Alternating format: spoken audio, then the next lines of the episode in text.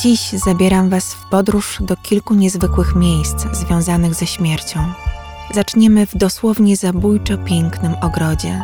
Po drodze miniemy sterty kości, mumie i zamarznięte zwłoki, a skończymy na uroczym cmentarzyku na Alasce. Gotowi do drogi? Na początek zapowiedziany spacer po wspaniałym ogrodzie. Co powiecie na okolice Cork w Irlandii, wizytę w pięknym zamku Blarney Castle oraz usytuowanym za jego murami Poison Garden? Na pierwszy rzut oka to taki sam piękny ogród jak wiele innych. Tylko, że niektóre rośliny otoczone są tutaj specjalnymi klatkami, niczym dzikie zwierzęta. Między krzakami pojawiają się odstraszające tabliczki z czaszką i skrzyżowanymi piszczelami. Poison Garden zebrano imponującą kolekcję śmiertelnie trujących i niebezpiecznych roślin z całego świata. W klatkach rosną na przykład okazy wilczej jagody, znanej Wam zapewne pod nazwą belladonna. W starożytności Rzymianki używały wyciągów z tej rośliny, by rozszerzyć źrenice i nadać im blask oraz przyspieszyć i pogłębić oddech. Jednak wystarczy 10 do 20 owoców wilczej jagody, by zabić dorosłego człowieka, który umrze w męczarniach. Pod szczególną ochroną są również tojat, zwany mordownikiem, czy trujący bluszcz. Wchodzisz na własne ryzyko. Nie dotykaj, nie wąchaj, nie jedz żadnej z roślin. Tablice ostrzegają zwiedzających co krok. Dzieciom muszą cały czas towarzyszyć dorośli. Oprócz ostrzeżeń na tablicach umieszczone są także fascynujące historie roślin, opis ich trujących właściwości oraz zastosowania w medycynie. W 2010 roku irlandzka policja nakazała ogrodnikom z Blarney Castle wykopać rosnące w Poison Garden konopie i mak lekarski i dostarczyć je do wskazanego komisariatu. Czyżby ktoś jednak próbował zrywać eksponaty? W 2019 roku zapowiedziano utworzenie nowej części ogrodu, której już nadano mało romantyczną nazwę Mięsożerny Korytarz. Będzie zawierała kolekcję egzotycznych roślin mięsożernych. Dodam, że nasz warszawski ogród botaniczny ma również niezły zestaw mięsożernych roślin i co jakiś czas kolekcja udostępniana jest zwiedzającym. Ostrzegam, że ich zapach dosłownie zwala z nóg. To zapach gnijącego mięsa, przyciągający owady. Byłam, wąchałam, zaświadczam. Jeśli rzeczywiście dotrzecie do Poison Garden, musicie koniecznie zwiedzić zamek. Blarney Castle to jedna z najpopularniejszych atrakcji turystycznych Irlandii, między innymi ze względu na mieszczący się na jego terenie słynny kamień z Blarney, zwany także kamieniem elokwencji.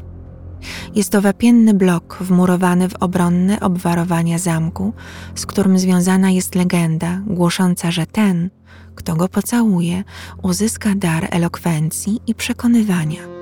Nie jest to jednak proste zadanie, gdyż lokalizacja kamiennego bloku wymaga sporej gimnastyki od chętnych uzyskania cennego daru. Muszą oni przewiesić się głową w dół przez specjalną barierkę, będąc jednocześnie przytrzymywanym za nogi dla asekuracji i w takiej pozycji postarać się dosięgnąć bloku. Ciekawe, czy kiedykolwiek ktoś stracił życie w wyniku tej akrobacji. Porzucamy ogród i zamek. Zabieram was na cmentarz. To chyba dość przewidywalny kierunek. Nie jest to jednak cmentarz dla ludzi. Cimetière des Chiens, dosłownie cmentarz dla psów, pod względem liczby pochowanych zwierząt jest największym tego typu miejscem na świecie.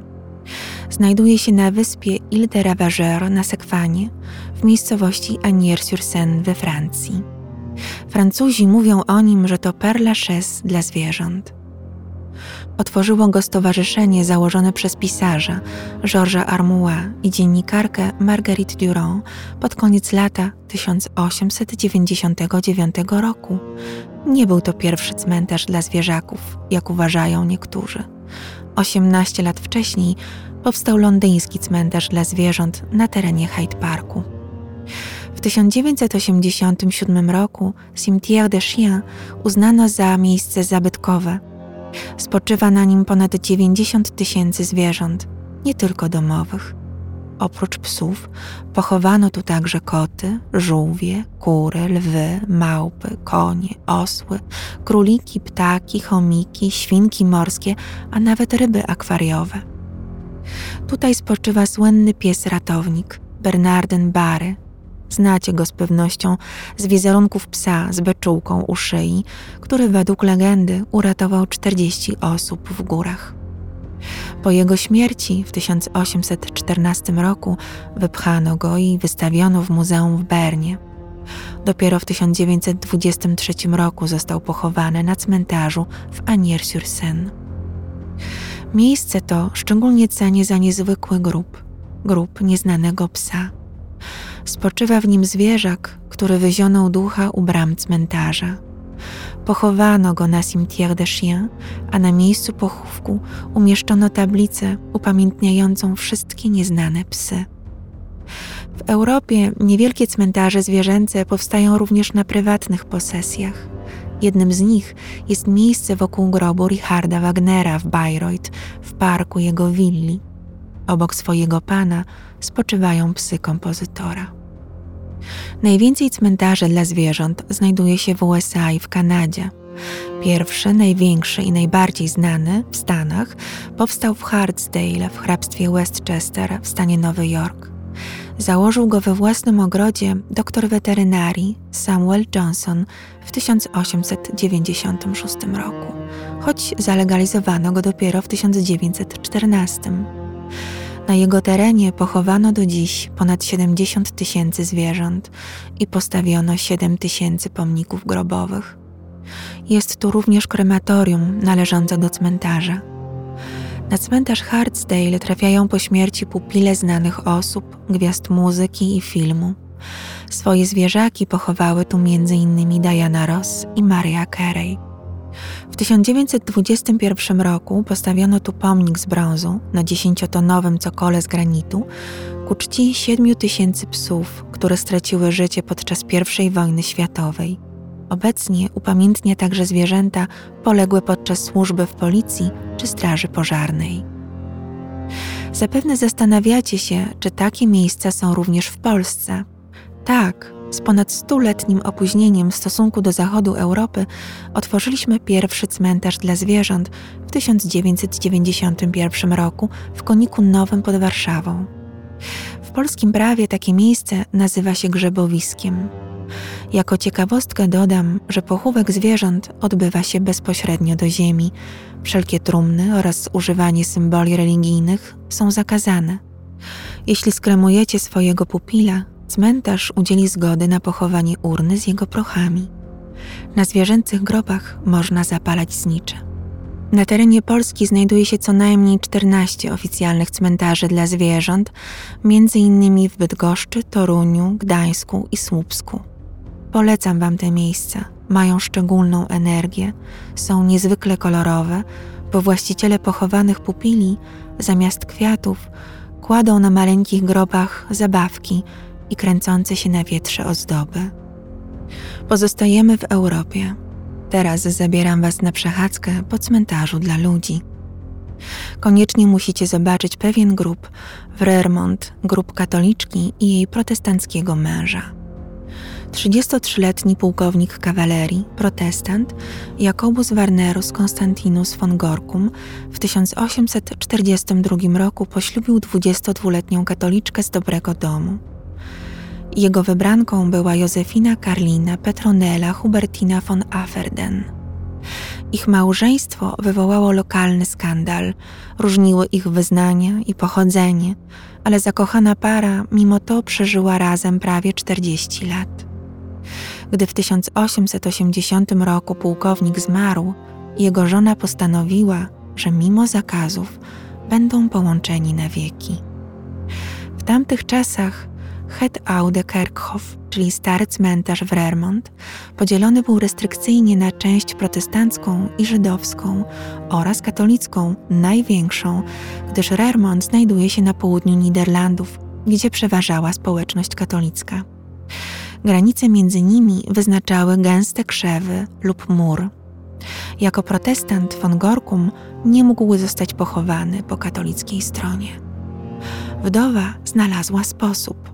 Ich groby znajdują się po dwóch różnych stronach muru, oddzielającego pochowanych katolików od protestantów. Ponad murem połączeni są na zawsze splecionymi dłońmi kobiety i mężczyzny.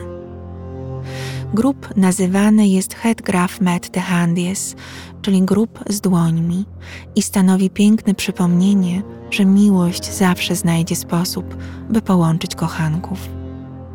Było romantycznie, teraz będzie praktycznie. Zobaczcie jedno z europejskich osuariów. Epidemia, nadmiar trupów i za ciasny cmentarz. Posłuchajcie, jak ogarnęli ten problem Czesi i co z tego wynikło. Miejsce Mielnik, Kościół Świętych Piotra i Pawła, tak zwana krypta kości. W krypcie kościoła pod posadzką prezbiterium, dla niewtajemniczonych to jest ta część kościoła, gdzie znajduje się ołtarz, mieści się osuarium, ogromny zbiór ludzkich kości. Początkowo osuarium było niewielkie, służyło tylko lokalnym zmarłym damom z arystokracji, pozostałe szczątki ludzkie chowano na przykościelnym cmentarzu. Jednak gdy w 1520 roku epidemia dżumy dopadła mieszkańców Mielnika, aby pochować ofiary zarazy, ekshumowano zmarłych z cmentarza, a ich szczątki dosłownie wrzucono do krypty i sprawę uznano za załatwioną. W 1775 roku zlikwidowano także cmentarz, a kolejne kości wylądowały w krypcie. Dziś szacuje się, że spoczywają tam szczątki około 10, a może nawet 15 tysięcy ludzi. Wielkie zamykanie osuariów nastąpiło w 1787 roku.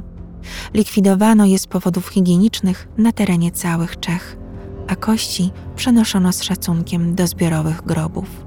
Ale nie w Mielniku. Tu zamurowano kryptę, okna do niej wyłożono zaś płytami nagrobnymi powstał cmentarz Speakeasy. W XIX wieku kryptę otworzono tylko raz podczas przebudowy kościoła w roku 1891. Wielkie badanie zawartości krypty miało miejsce w latach 1915-1919, gdy pewien czeski antropolog zdezynfekował kości oraz przebadał je, uporządkował i ustalił, że należały do około 15 tysięcy ciał. To on sprawił, że przed wejściem do krypty rozpościera się góra kości, szeroka na 5 metrów, wysoka na 2. Kości w stosach tworzą krzyż, kotwicę i serce, symbolizujące wiarę, nadzieję i miłość. Po lewej stronie od wejścia ułożył z czaszek łaciński napis Ecce Mors, co znaczy oto śmierć. Wyobrażacie go sobie, jak cierpliwie dobiera kości i czaszki niczym puzzle, by ułożyć to, co tam sobie zamierzył? Ciekawe, czy sam to robił, jak wielu miał pomocników i co oni myśleli na ten temat. Bo mi wydaje się troszkę creepy siedzieć tak ze szczątkami prawie całego miasteczka i robić z nich układankę. To co, wybierzecie się na wycieczkę? A może już tam byliście? Warto tam pojechać. Kościół Milniku, obok kościoła i słynnego osuarium w Sedlcu koło Kutnej Chory, jest największym kościołem w Republice Czeskiej.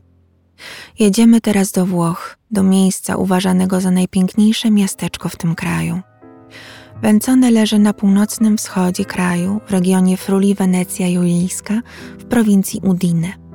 Zamieszkuje w nim ponad 2000 osób.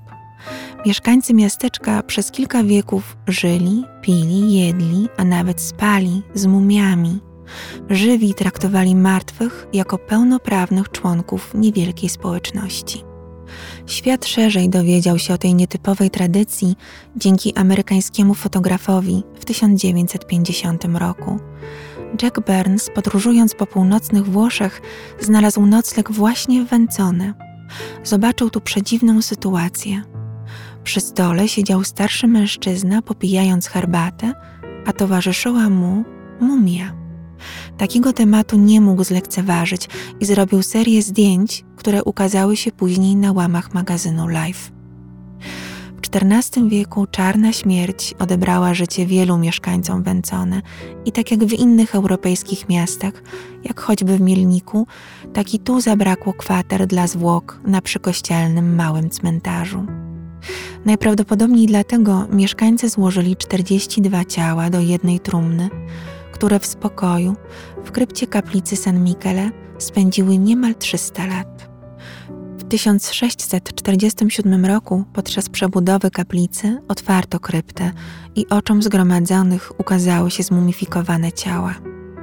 Naukowcy wciąż próbują rozwikłać zagadkę, jak to się mogło stać naturalnie, bez ingerencji w proces mumifikacji. Miejscowi do dziś uważają, że to był znak od Boga, który zesłał im żywych przodków. W XVII wieku na włoskiej prowincji ludzie nie wiedzieli, czym jest mumia. Od tamtej chwili mumie otoczone były szczególnym kultem, czcią i szacunkiem. Sam Napoleon w 1807 roku przybył do Węcone, by zobaczyć słynne zmumifikowane ciała. W XIX wieku niektóre z nich wywieziono i badano, m.in. na Uniwersytecie w Padwie, w Muzeum w Wiedniu i w Kościele Inwalidów w Paryżu. Kolejne nieszczęście nawiedziło Węcone w 1976 roku. Miasteczko zostało zniszczone podczas trzęsienia ziemi. Jednak do roku 1990 odbudowano średniowieczne mury z oryginalnych kamieni i dziś sami Włosi uznają to miejsce za najpiękniejsze włoskie miasteczko. Niestety kataklizm przetrwało zaledwie 15 mumii. Pięć z nich można obejrzeć we wspomnianej krypcie cmentarnej kaplicy San Michele przy katedrze Sant'Andrea Apostolo. Na marginesie dodam ciekawostkę. Jedną z mumii były i może wciąż są zwłoki księcia Bolesława Bytomskiego, ostatniego z linii piastów bytomskich, który został pochowany w Węcone 5 kwietnia 1355 roku. W katedrze zachowała się jego tablica nagrobna z piastowskim orłem. Wiecie, że próbowano pochować zwłoki w tym samym miejscu, w którym pierwotnie spoczywały mumie? Próbowano rozgryźć tajemnicę naturalnej mumifikacji. Niestety ciała się rozkładały, a więc eksperyment się nie powiódł. Miejscowi uważają, że to dowód ingerencji Boga. Naukowcy szukają przyczyn w środowisku, glebie, powietrzu, grzybach.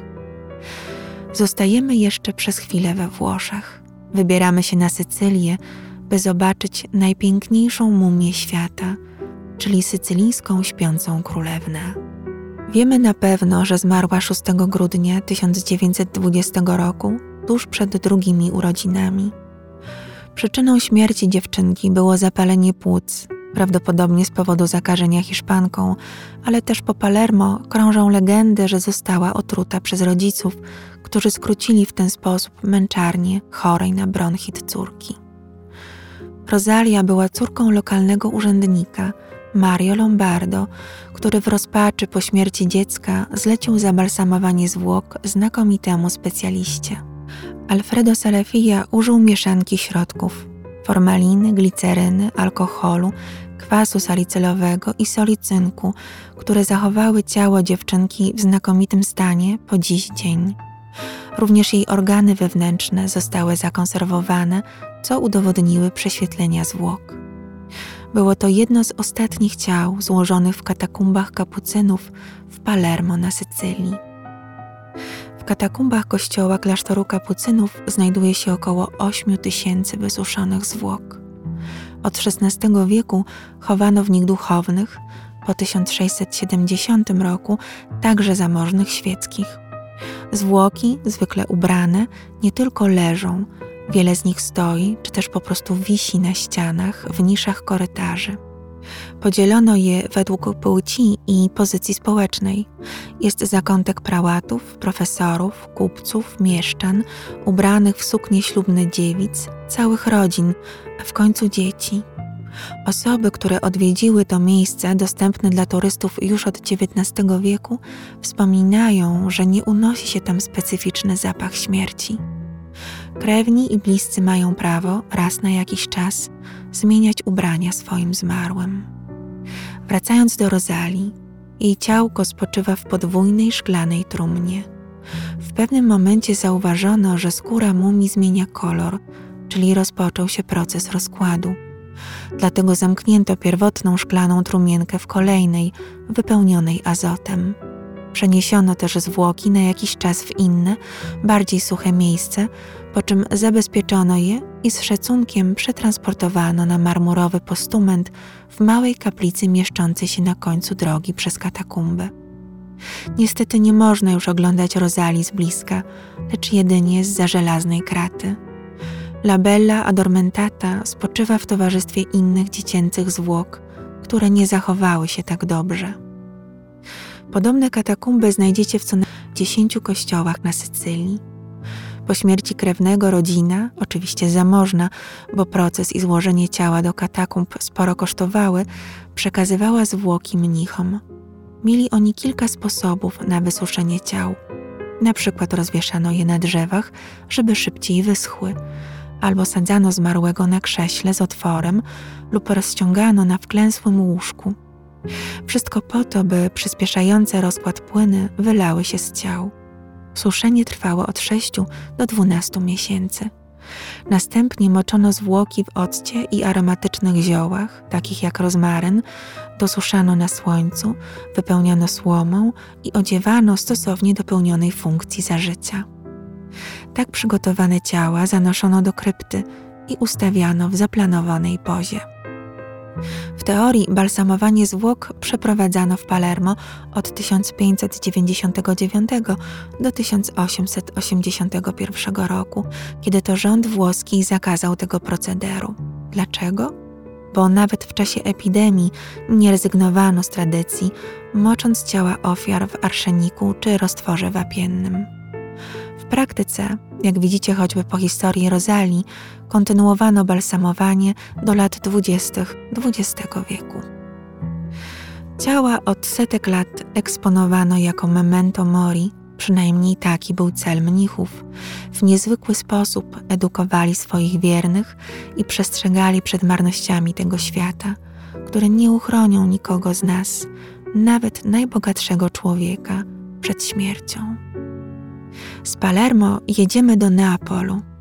Tutaj zupełnie inny cel, w pełni naukowy, przyświecał twórcom dwóch obłędnych maszyn anatomicznych. Macchina anatomica, czy też studi anatomici, znajdują się w niezwykłej, podobno najbardziej tajemniczej budowli we Włoszech, w kaplicy San Severo w Neapolu powstały w latach 1756-1764 na zlecenie księcia Sansevero, Raimonda di Sangro, w pracowni anatoma Giuseppe Salerno z Palermo. Dwa modele, czyli tak naprawdę odpowiednio spreparowane szkielety, idealnie odtwarzają układ krążenia kobiety i mężczyzny. Doskonale widać aorty, żyły, otwarte klatki piersiowe, a nawet łono ciężarnej. Pierwotnie u stóp machiny kobiety leżał płód. Skradziono go niestety w latach dziewięćdziesiątych. Legenda mówi, że Salerno i Di Sangro, używając alchemii, zamienili prawdziwych ludzi w eksponaty dzięki metalizacji układu krwionośnego. Plotkowano, że ciała należały do służących księcia, których podczas eksperymentu zamęczono na śmierć. Raimondo di Sangro, zwany neapolitańskim Leonardem da Vinci, był pierwszym wielkim mistrzem neapolitańskiej loży wolnomularskiej, naukowcem, artystą, wynalazcą, żołnierzem, pisarzem i wydawcą, a w końcu magiem według niektórych. W 1743 roku uzyskał zgodę papieża na czytanie pozycji z indeksu ksiąg zakazanych. Pochłaniał dzieła poświęcone alchemii, tradycji masońskiej i rozprawy naukowe. Niestety książę przed śmiercią zniszczył całe swoje naukowe archiwum oraz wynalazki. Była to emocjonalna reakcja na ostracyzm i czarną legendę alchemika narastającą wokół Di Sangro przez ostatnie lata jego życia. Z tego powodu nigdy nie dowiemy się, jak w rzeczywistości powstały makiny anatomike. Będąc w Neapolu, koniecznie zajrzyjcie do kaplicy San Severo. Śladami przerażających eksponatów wracamy do Francji, do Montpellier. Piękna kobieta w białej nocnej koszuli głęboko śpi na posłaniu. Jej klatka piersiowa delikatnie unosi się w spowolnionym oddechu. Nagle tułów otwiera się, ukazując wewnętrzne organy. Oto jeden z eksponatów kolekcji Piera Spitznera. Doktor Spitzner, Francuz lub Belg niemieckiego pochodzenia, nie miał wykształcenia medycznego. Tytułowano go grzecznościowo. Był natomiast anatomem, wielkim fanem ludzkiego ciała, który w wieku zaledwie 23 lat otworzył gabinet osobliwości medycznych w Paryżu w 1856 roku, szumnie nazwany Atheneum Musée Anatomique et Ethnologique, w skrócie Musée Spitzner. Początkowo prezentował w nim 80 anatomicznych odlewów z wosku. Eksponaty pochodziły z kolekcji nieżyjącego już pracownika Muzeum Anatomicznego Delma Orfila Rouvière, które istniało aż do 2011 roku. Potem jego zbiory przekazano Uniwersytetowi w Montpellier, o którym powiem za chwilę. Oficjalnie Spitznerowi przyświecał cel zdradzenia szerszej publiczności sekretów ludzkiego ciała. Jednak były to czasy wielkiej popularności wszelakich freak show i kolekcja doktora doskonale wpisywała się w ten trend. Naturalnej wielkości odlewy postaci czy części ciała lub organów ludzkich ukazane są w dramatycznych pozach i chwilach fizycznego cierpienia. Twórca wystawy uwielbiał epatować anomaliami, patologią, bólem choroby skóry, nowotwory, chirurgia położnicza, efekty choroby alkoholowej. To były tematy zleceń dla współpracujących z nim anatomów i artystów przygotowujących woskowe figury. Spitzner stale powiększał kolekcję, stworzył również pouczający dział higieny społecznej, przeznaczony głównie dla wojskowych, a dotyczący widocznych objawów syfilisu i innych chorób wenerycznych.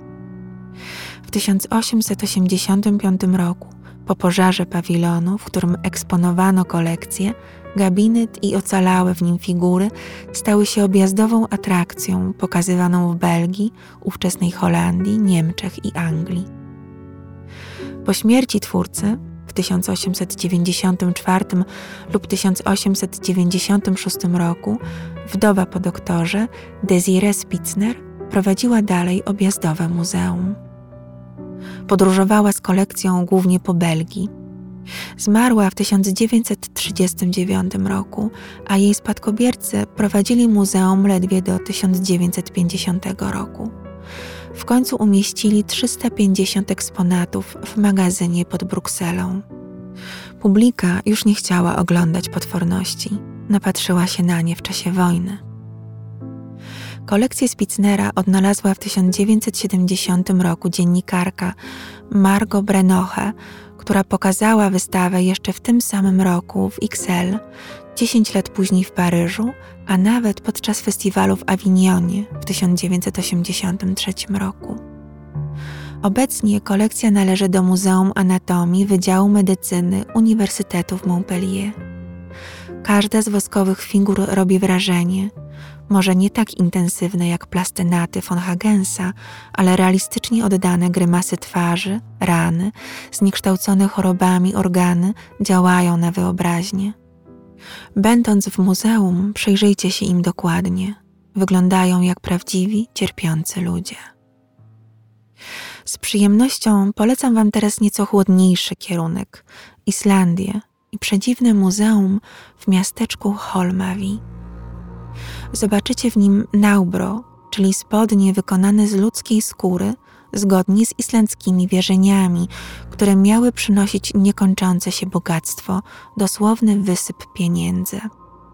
Gumowa replika nekrospodni wyeksponowana jest w Muzeum Islandzkiej Magii i Czarnoksięstwa zwanym Strandagaldur w miasteczku Holmavi na zachodzie Islandii. Poniżej podaję Wam przepis na ich odpowiednie przygotowanie gdybyście planowali powielić pomysł islandzkich magów. By wykonać nekrospodnie i żeby działały, należy zapytać najpierw o zgodę człowieka, którego skórę po śmierci wykorzysta się jako materiał. Po pogrzebie sami musicie wykopać ciało i zdjąć skórę w jednym kawałku, żadnych draśnięć, dziur i tym podobnych. Najgorsza robota za wami. Teraz pozostało ukraść monetę wdowie po nieboszczyku, a żeby było trudniej, musi się to wydarzyć w Boże Narodzenie, Wielkanoc lub Zielone Świątki. Macie spodnie i monetę. Wkładacie ją do worka mosznowego spodni razem z napisanym na skrawku papieru magicznym znakiem. Nekrospodnie winny przylegać do waszej skóry jak leginsy. Od tej chwili powinniście opływać w bogactwa, dopóki oryginalna moneta tkwi na swoim miejscu. Nie wolno jej wyjmować. Wiecie, co to oznacza? Nie możecie zdjąć spodni. Dopiero przed śmiercią znajdujecie kolejnego nosiciela i przekazujecie mu wdzianko. I również zgodnie z przepisami. Najpierw ściągacie prawą nogawkę, druga osoba ją zakłada, potem lewą, a nowy właściciel wskakuje w nią od razu. I tak magiczna moc spodni będzie się utrzymywać przez długie lata. Niestety przekazy informują jedynie o męskiej wersji spodni. O damskiej nic nie wiadomo, czy w ogóle nawet taki pomysł się pojawił. Spodnie miały być noszone przez XVII-wiecznych islandzkich magów, a więc nie wszyscy dostępowali tego zaszczytu. Dość muzeów, chodźcie na paradę trumien z żywymi ludźmi w środku. Jedziemy do Hiszpanii. Po uroczystej mszy w kościele wyrusza procesja od świętnie ubranych wiernych, podążających za posągiem świętej Marty. Niektórzy z nich trzymają świece, inni niosą otwarte trumny, w których leżą żywi ludzie. Do trumien kładą się osoby, które w ciągu ostatnich dwunastu miesięcy otarły się o śmierć. W przypadku dzieci puste trumny noszą rodzice, choć dawniej niosły je same dzieciaki. Dodam, że jeśli ktoś nie ma nikogo do pomocy, sam targa swoją trumnę w obie strony. Dawna procesja zamieniła się obecnie w wielką paradę. Do miasteczka zjeżdżają się ludzie z innych miejscowości oraz turyści, którzy zmierzają na cmentarz i z powrotem do kościoła. Po święcie trumny pozostają w kościele jako dary dla zmarłych, których rodzin nie stać na godny pochówek. Gdzie odbywa się to niezwykłe wydarzenie? Bynajmniej nie w Meksyku, co byłoby najprostszym skojarzeniem. Wyobraźcie sobie, że jest to urocze hiszpańskie miasteczko Las Nieves na południu Galicji, w prowincji Pontevedra, w pobliżu miasta portowego Vigo, na pograniczu z Portugalią. Wybierzcie się tam koniecznie 29 lipca w ten dzień każdego roku odbywa się niezwykła procesja, którą Wam opisałam powyżej. Fiesta de Santa Marta de Ribarteme. Wiele wskazuje na to, że ów festiwal śmierci ma swoje początki w XII wieku. Być może wykorzystano miejscowe pogańskie rytuały i zmiksowano je z kultem świętej Marty, siostry Łazarza. Pierwsze historyczne odniesienia do tego święta pojawiają się dopiero w 1700 roku. Koreańczycy mają udawane pogrzeby, by ratować swoją zdruzgotaną stresem psychikę. Hiszpanie kładą się do trumny, dziękując za powrót do życia. Przenosimy się za ocean. Uprzedzam, teraz nie będzie zbyt miło. Ciało młodej kobiety, Ignacji Aguilar, zostało pochowane za jej życia. Gdy w 1833 roku szalała w Meksyku epidemia cholery, rodzina złożyła dziewczynę do grobu w przekonaniu, że już nie żyje. Lekarz orzekł, że jej serce przestało bić. O swojej tragicznej pomyłce doktor i krewni dowiedzieli się ponad 30 lat później podczas ekshumacji zwłok. Poza, podrapana głowa i zęby zatopione w ramieniu tak mocno, że widać jeszcze ślady krwi na skórze, dowodziły horroru, jaki przeżyła w trumnie kobieta. Próbowała się wydostać. Udusiła się po kilku godzinach spędzonych w panice pod ziemią. Ignacja oraz 110 innych zmumifikowanych zwłok zostały wystawione na ekspozycji w Muzeum Mumii w Guanajuato tuż obok cmentarza El Panteón de Santa Paula. Mumie z Guanajuato w Meksyku stanowią kolekcję dobrze zachowanych zwłok osób, które zmarły na cholerę w 1833 roku. Niektórzy z tych ludzi z powodu pośpiechu i strachu przed zarazą zostali pochowani żywcem. Z powodu braku miejsca na nowe pochówki w 1865 roku w Guanajuato wprowadzono lokalny podatek od grobu. Jeśli rodzina go nie zapłaciła na czas, zgodnie z regulaminem co pięć lat, albo zmarły nie miał nikogo, kto mógłby to zrobić, zwłoki były wyciągane z grobu na przechowanie do momentu, aż ktoś w końcu uiści opłatę. Od tej chwili stawały się własnością miasta. Gdy doszło do ekshumacji, okazało się, że ciała uległy mumifikacji. Łagodny klimat, suche powietrze oraz gleba nasycona minerałami sprzyjały konserwacji zwłok. Zachowały się w pełni włosy i ubrania, skóra wyschła na papier. Mumie umieszczano w budynku obok cmentarza, gdzie wyeksponowano je między 1870 a 1958 rokiem. Wyobraźcie sobie, w jakim szoku musieli być ci, którzy na wystawie w przycmentarnym magazynie zobaczyli zwłoki swoich najbliższych. W XX wieku mumie zaczęły przyciągać ciekawskich, a w końcu turystów. Pracownicy cmentarza pobierali opłaty za możliwość ich obejrzenia. I mimo iż w 1959 roku zniesiono podatek od grobu i można było ciała pochować, 10 lat później powstało Muzeum Mumii, El Museo de las Momias de Guanajuato. Do dziś spośród 111 mumii można tam zobaczyć 59 ciał za szkłem. Najstarsze zwłoki mają ponad 150 lat. Lekarze z Uniwersytetu Medycznego w Teksasie wypożyczyli kilka z nich, by poddać je badaniom antropologicznym. Przekonali się, że dziecięce zwłoki pozbawiane są mózgów i organów wewnętrznych. Dlaczego? W XIX wieku w Meksyku, ale też nie tylko tam, panowała moda na zdjęcia post-mortem.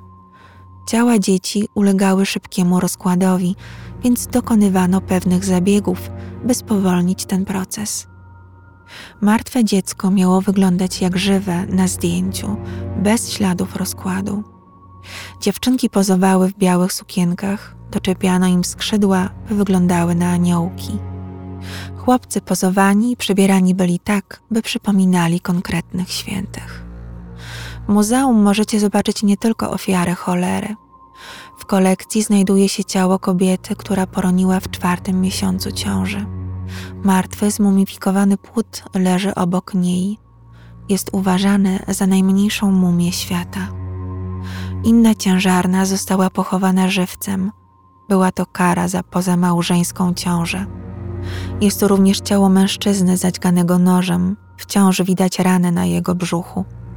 Kolejny zginął od uderzenia łopatą w twarz, stąd widoczne przesunięcie kości twarzoczaszki.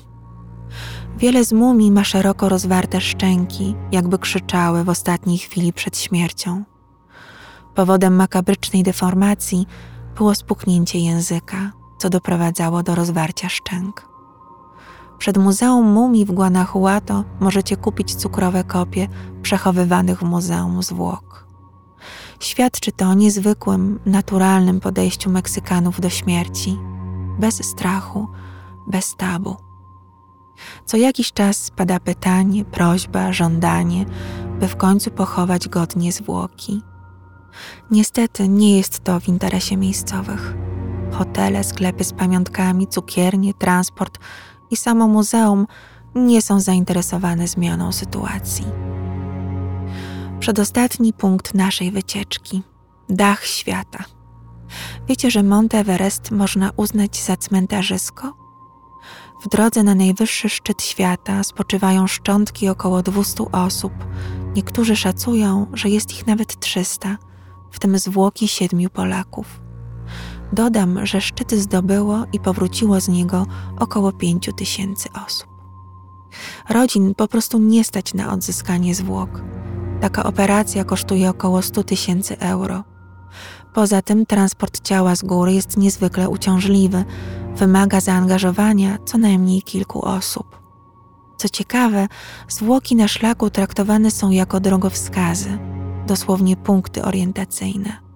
Najsłynniejsze z nich to tak zwane zielone buty, green boots, znajdujący się na wysokości około 8,5 tysiąca metrów nad poziomem morza. Najprawdopodobniej należały do 28-letniego Cewanga Paljora, hinduskiego himalaisty, który w maju 1996 roku, schodząc ze szczytu, schronił się w skalnym zagłębieniu i tam zmarł z powodu wyziębienia.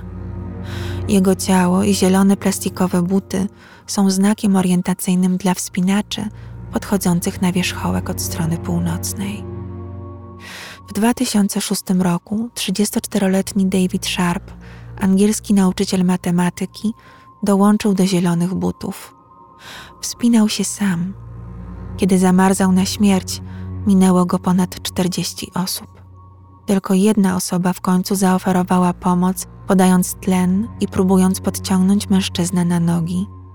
Było już niestety za późno na ratunek. Sharp zmarł w wyniku hipotermii i obrzęku mózgu. Jego ciało, wyrzut sumienia wielu himalaistów, ściągnięto z góry w 2007 roku.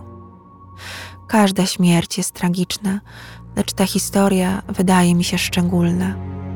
40-letnia Francis Arsentiew w maju 1998 roku wspięła się na Mount Everest jako pierwsza Amerykanka bez dodatkowego tlenu. Nie była zawodową himalaistką. Do wyprawy przekonał ją mąż. Jednak jej wyczynu nikt nie uznaje, ponieważ nie wróciła. Nie wrócił również jej partner, słynny rosyjski himalaista Siergiej Arsentiew, który opuścił obóz w poszukiwaniu kobiety po tym, jak w nocy rozdzielili się na krótki czas po zdobyciu szczytu. Dopiero w kolejnym roku znaleziono jego ciało. Wiele wskazuje na to, że próbując ratować Francis, spadł prosto w górską szczelinę i zginął. W tym czasie jego wycieńczona żona w charakterystycznej fioletowej kurtce położyła się i konała. Pomocy udzielili Ian Woodall i Katie O'Dowd, którzy znieśli ją nawet niżej, nie byli jednak w stanie przywrócić jej sił. Gdy byli już przekonani, że kobieta zmarła, ta jeszcze wyszeptała kilka razy: Nie zostawiaj mnie. Dlaczego mi to robisz? I jestem Amerykanką. Złe warunki zmusiły parę do opuszczenia konającej Francis i zejścia do ich obozu. Nigdy sobie tego nie wybaczyli. Francis Arsentiew nazwano pośmiertnie śpiącą królewną, ponieważ jej skóra szybko stała się twarda i biała. Wielu wspinaczy przystawało, by zrobić jej zdjęcie. Rok później Woodall powrócił na Mount Everest i zorganizował przeniesienie ciała w bardziej ustronne miejsce, co też uczyniono i przykryto je przed oczami ciekawskich amerykańską flagą. Szerpowie po tybetańskiej stronie podejmują się znoszenia ciał zmarłych wspinaczy w niższe partie, by nie torowały drogi innym. Co roku przybywają jednak kolejne ciała, chociaż warto wspomnieć, że najbardziej zabójczą górą jest Mont Blanc, przez niektórych geografów uważana za najwyższy szczyt Europy, rocznie zdobywany przez około 20 tysięcy osób. Każdego roku Biała Dama zabija prawie 100 osób. Mount Everest ze swoimi niemal 300 ofiarami wypada makabrycznie blado przy Mont Blanc, gdzie życie straciło między 6 a 8 tysięcy alpinistów. Na koniec wędrówki odpoczniemy na Alasce, na niezwykle uroczym cmentarzu we wsi Eklutna, który jest lokalną atrakcją. Nad grobami stoją kolorowe drewniane domki przypominające ule. Barwne domki duchów powstały ze zmiksowania lokalnych tradycji i wiary przeniesionej tutaj przez rosyjskich misjonarzy. Lud Atabasków osiedlił się na tych terenach ponad 800 lat temu. Rosjanie dołączyli do nich w latach 40. XIX wieku. Obecnie wioskę zamieszkuje ledwie 70 osób. Cmentarz pozostaje w użytkowaniu od 1650 roku. Na grobach buduje się konstrukcje z drewna i maluje je na żywe kolory. Żywi z zasady nie dbają o groby, nie sprzątają ich, nie odnawiają, pozwalają działać naturze. Ciało wraca do ziemi i ziemia je przyjmuje tak, jak potrafi najlepiej. Tutejszy kościół i prawosławna parafia świętego Mikołaja powstały w XIX wieku. Jest to jedna z dziesięciu parafii tworzących dziekanat misyjny Anchorage, diecezji Alaski Kościoła Prawosławnego w Ameryce.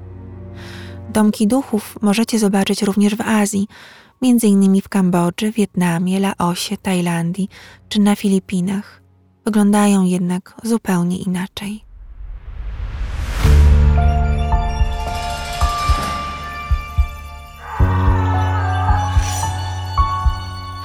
Dziękuję za Waszą uwagę. Mam nadzieję, że zainspirowałam Was do podróży pod hasłem Memento Mori. W opisie odcinka podaję Wam adresy miejsc, o których opowiadałam. Renata z worka kości.